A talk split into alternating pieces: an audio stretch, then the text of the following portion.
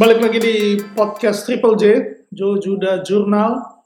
Setelah podcast beberapa waktu lalu, khususnya yang judulnya 4C dalam rekrutmen, itu jadi banyak yang bertanya ke gue. Teman-teman gue juga nanya, lu serius benar masih terlibat semuanya itu? Benar, gue masih terlibat. Dari awal, dari proses pencarian, masang iklannya di mana, bahkan hal-hal poin-poin yang gue cari itu apa aja, gue interview, bahkan gue masih terlibat sampai proses onboarding. Ini aja gue baru selesai interview dua orang untuk dua posisi yang berbeda. Minggu ini gue total ada empat atau lima interview. Nah, kenapa kenapa gue masih terlibat ya? Pertama, karena culture itu penting. Gue jelaskan kan yang di 4C dalam rekrutmen soal culture tanggung jawab untuk menjaga culture itu tanggung jawab semua. Semua berperan aktif. Namun untuk merusak sebuah culture hanya butuh satu orang masuk ke dalam komunitas lu, ke dalam company lu, dan semuanya jadi ikut jelek. Kan nggak ada tuh ceritanya jeruk yang bagus ditaruh di tengah-tengah jeruk yang rusak atau busuk, lalu jeruk yang rusak dan busuk itu menjadi bagus yang ada sebaliknya, benar nggak? Jeruk yang bagus ditaruh satu jeruk yang jelek dan semua jeruk akhirnya jadi uh, jelek, busuk, rusak. Nah, kebiasaan buruk, culture yang buruk itu sama seperti itu. Ketika berbicara mengenai culture, apalagi di startup, orang akan cenderung langsung berpikir mengenai meja pingpong, makan siang gratis, interior yang bagus, yang seperti kantornya Google, Facebook, atau kantornya Gojek. Itu semua nggak salah. Tapi kita perlu berpikir ulang, culture itu sebenarnya bukan soal itu. Dan culture itu nggak bisa dibangun hanya dengan environment yang bagus. Culture itu adalah how we solve the problem. Bagaimana kita nih secara bersama-sama menyelesaikan eh, masalah yang ada. Jadi karyawan atau tim terbiasa untuk menyelesaikan problem dan bukan tas atau pekerjaan. Makanya kenapa startup sekarang ya biasanya ya rata-rata full stack.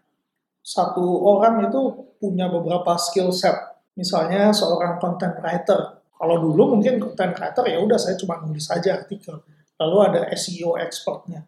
Sekarang SEO expert biasanya merangkap sebagai content writer atau content writer dia juga belajar skill set mengenai SEO supaya tulisannya SEO friendly. Karena fokusnya bukan pada pekerjaannya. Talent dicari bukan berdasarkan pekerjaan apa yang dia bisa uh, selesaikan, tapi problem apa yang dia bisa solve. Makanya pertanyaan untuk talent atau untuk karyawan adalah seberapa besar kontribusinya dia terhadap perusahaan, bukan seberapa banyak pekerjaan yang dia bisa selesaikan dalam satu waktu. Kan sebenarnya kompensasi yang kita berikan, yang perusahaan berikan terhadap karyawan itu kan ada dua. Yang pertama, waktu yang sudah mereka berikan pada perusahaan, dan kedua, kontribusi yang sudah mereka berikan terhadap perusahaan. Makanya kan selalu ini yang dihitung dinilai. Kenapa? Makanya adanya absensi. Contoh, misalnya satu talent dia sangat berkontribusi terhadap perusahaan. Namun dia nggak pernah datang ke kantor, dia nggak pernah terlibat dalam pertemuan-pertemuan kantor, bisnis meeting. Tentu ini akan susah untuk bangun bonding, untuk bisa menciptakan urgensi yang sama, dari waktu ke waktu bisa bergerak dengan pace yang sama kalau dia tidak menyediakan waktu untuk ada di perusahaan tersebut. Waktu yang dia berikan ini nggak cuma sekedar berada dalam satu tempat, tapi setidaknya dalam satu waktu yang sama. Begitu juga sebaliknya, kalau kita punya karyawan yang bahkan mungkin tinggal di perusahaan kita, tinggal di kantor kita, literally satu kali 24 jam ada di kantor, tapi dia nggak berkontribusi apa-apa atau kontribusinya kecil. Tentu kompensasi yang dia terima akan menjadi kecil. Jadi kedua hal ini yang sebenarnya perusahaan berikan gaji, salary, bonus atau apa pun ya berdasarkan ini, kompensasi ini. Extra miles yang diberikan dalam waktu, makanya ada uang lembur ya. extra miles yang diberikan dalam bentuk kontribusi. Makanya ada bonus tahunan. Kenapa gua terlibat? Karena culture. Perlu banget untuk menjaga culture. Urgensinya seperti itu. Dan agar orang yang masuk ke perusahaan ini, ke tempat kerja ini tahu, oh apa sih yang di-expect dari dia. Dan ke mana kita akan eh, berjalan bersama-sama ya secara korporasi. Gue mulai terlibat dalam pencarian talent, yes. Memang kita dibantu dengan berbagai tools, berbagai platform. Gue beberapa yang gue bisa sebut ya seperti Ekrut. Kita pakai uh, Tapi untuk nulis di sana, job desk seperti apa yang kita butuhkan, detail pekerjaan seperti apa yang dibutuhkan, nah itu gue sendiri yang masukkan. Kok lu sendiri sih yang masih ngerjain open recruitment, cari talent? Nah, salah kaprahnya adalah mencari karyawan atau open recruitment bukan tugasnya HR doang, tapi tugas semua karyawan. Kenapa HR berperan aktif dalam open recruitment? Karena dia merupakan bagian dari karyawan. Tugas HR itu sebenarnya adalah membangun culture dan menjaga culture. Human developing, membangun orang-orang yang ada di dalamnya itu sebenarnya tugasnya HR. Makanya untuk beberapa company, saya di company yang lama, HR itu atau HR itu sendiri kita sebut sebagai culture department. Dia yang bertanggung jawab terhadap culture perusahaan. Di M Target sendiri, semua terlibat kok mencari new talent. Karena begini, potensi terbaik sebenarnya. Talent bisa masuk ke sebuah perusahaan, itu by referral. Orang akan lebih mudah diajak bergabung atau mungkin mencoba hal baru oleh temannya. Bisa lu bayangin nggak kalau lu open recruitment, lu pasang di berbagai platform portal kayak JobsDB, JobStreet, lalu dia nanya ke temennya yang kerja di sana dan temennya bilang, aduh jangan masuk sini deh. Nah itu sebenarnya sebuah warning. Artinya apa? Culture di dalam perusahaan ya baik sampai orang-orang yang bekerja di dalam merasa terjebak sehingga mereka nggak ingin temennya saudaranya, sahabatnya ikut join. Nah itu sebenarnya sebuah warning buat Elsa, artinya culture-nya jelek di dalam. Nah balik lagi, tugas untuk mencari talent itu bukan cuma Elsa, tapi semua tim karyawan di dalam. Kemudian yang kedua alasannya adalah karena talent yang bagus itu, yang high quality talent, itu nggak pernah membagi-bagikan CV. Atau dia secara aktif memasukkan lamaran. Karena biasanya high quality talent, mereka sedang bekerja saat ini. High quality talent biasanya di referral. Misalnya, eh Jo, gue denger lo lagi cari uh, digital marketing ya.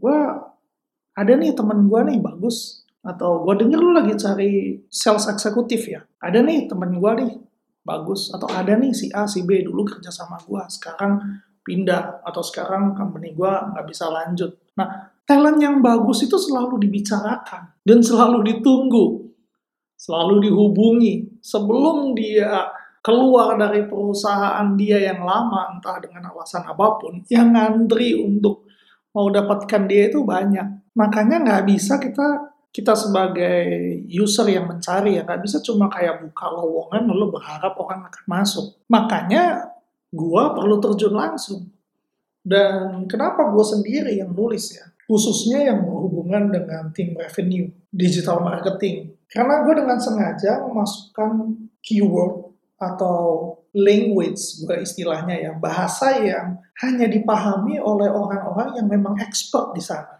Yang ini gue ambil contoh biar lebih bisa dipahami. Gue buka lowongan mengenai digital marketing manager itu sudah cukup lama. M Target memang sedang secara aktif cari digital marketing manager. Nah, salah kaprahnya kebanyakan orang ketika ketika berbicara mengenai digital marketing manager adalah orang-orang yang punya skill dalam menjalankan sosial media. Orang-orang yang punya skill dalam bikin konten. Mereka bermain sosial media baru 1-2 tahun, influencer misalnya atau buzzer bisa mengoperasikan beberapa analytics tools, bisa baca sosial media analytics lalu mereka klaim diri mereka sebagai digital marketing manager. Padahal digital marketing manager itu tugasnya apa sih? Tugasnya mengatur budget agar dengan budget marketing yang ada dia bisa mendapatkan potensi yang baik. Di lowongan yang buat cantumkan, gue tulis mengenai funnel, gue tulis mengenai high quality leads, karena tujuan dari marketing akhirnya untuk mendapatkan leads kan, yang bisa dieksekusi oleh tim sales. Dan sering kali yang melama mengabaikan dua hal tersebut. Mereka bahkan nggak ngerti mengenai funnel. Mereka bahkan nggak mengerti bagaimana cara mendapatkan leads atau leads generating. Nah ini language seperti itu yang perlu untuk ditaruh. Nah siapa sih yang bisa paham ini? Ya tentu user. Nah itu kenapa gue terlibat langsung.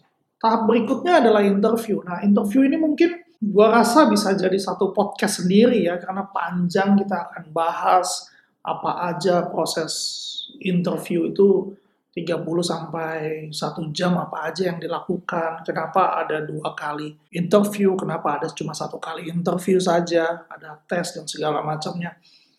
Beruntungnya gue adalah karena background pendidikan gue psikologi dan kampus gue itu fokus pada psikologi industri sehingga familiar dengan rekrutmen, interview rekrutmen, observasi ketika uh, rekrutmen, gua gua punya bekal itulah dan itu kepake banget dalam gua melakukan interview demi interview. Tapi di podcast kali ini gua nggak akan bahas banyak lah mengenai interview ini. Gue cuma beberapa aja yang gua highlight. Yang pertama ya lu harus kreatif. Oke, okay? nggak semua jawaban yang kita inginkan itu bisa didapat dengan bertanya. Apalagi pertanyaan yang secara langsung. Enggak.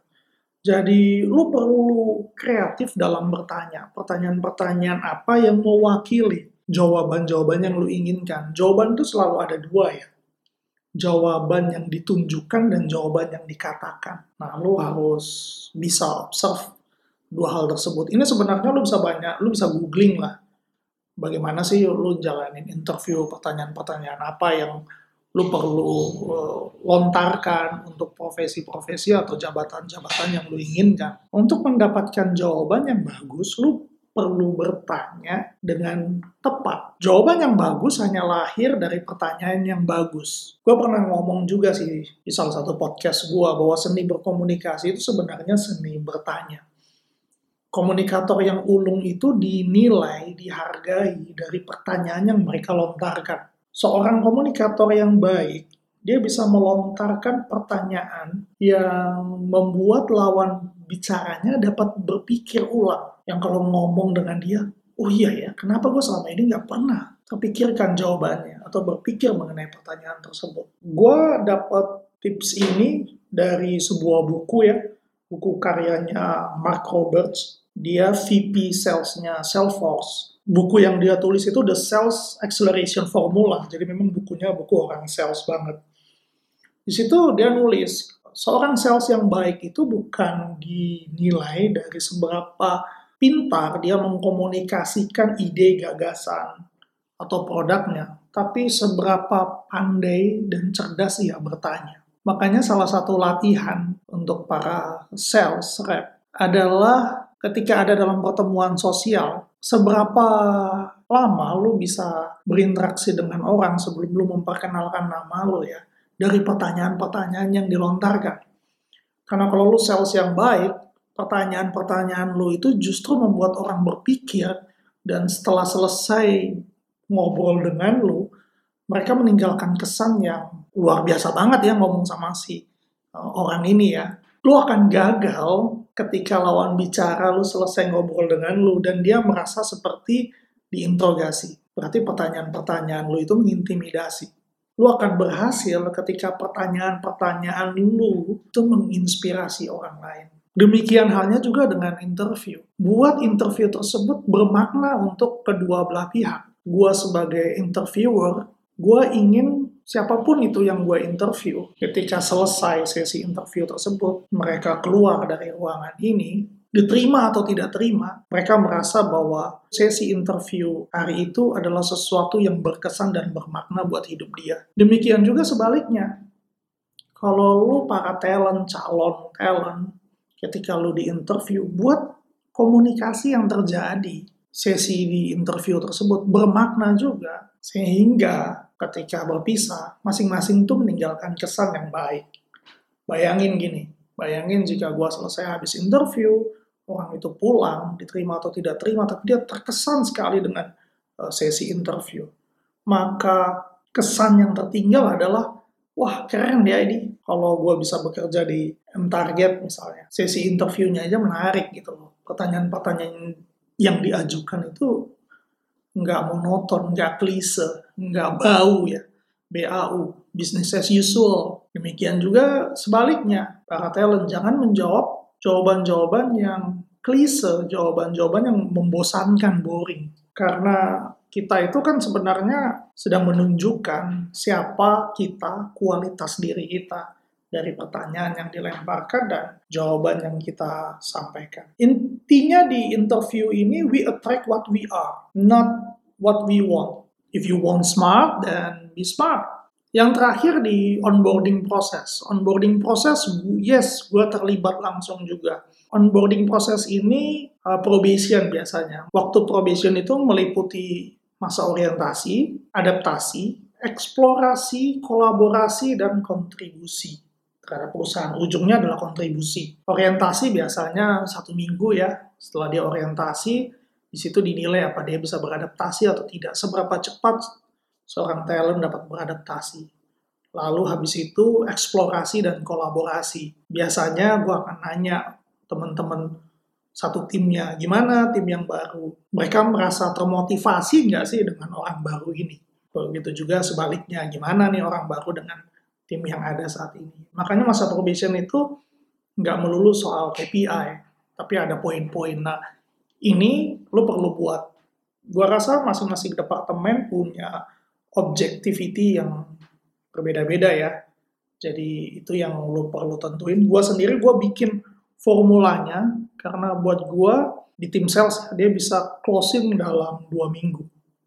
Dan seingat gue ya dari pengalaman gue, tim sales yang ada di M Target itu memang bisa closing dalam dua minggu. Artinya formula yang gue ciptakan, step demi step yang gue bikin itu uh, valid. Nah tugas gue sebagai head of revenue itu gimana caranya uh, agar revenue growth itu scalable dan predictable. Nah mau nggak mau kan lo harus terjun langsung dong dalam onboarding proses ini. Jadi itu semua alasan kenapa gue terlibat dalam rekrutmen dan hal-hal yang gue bisa bagikan ini gue rangkum dari pertanyaan-pertanyaan ya yang terpisah yang diberikan ke gue, gue coba rangkum terus gue coba sharing di sini.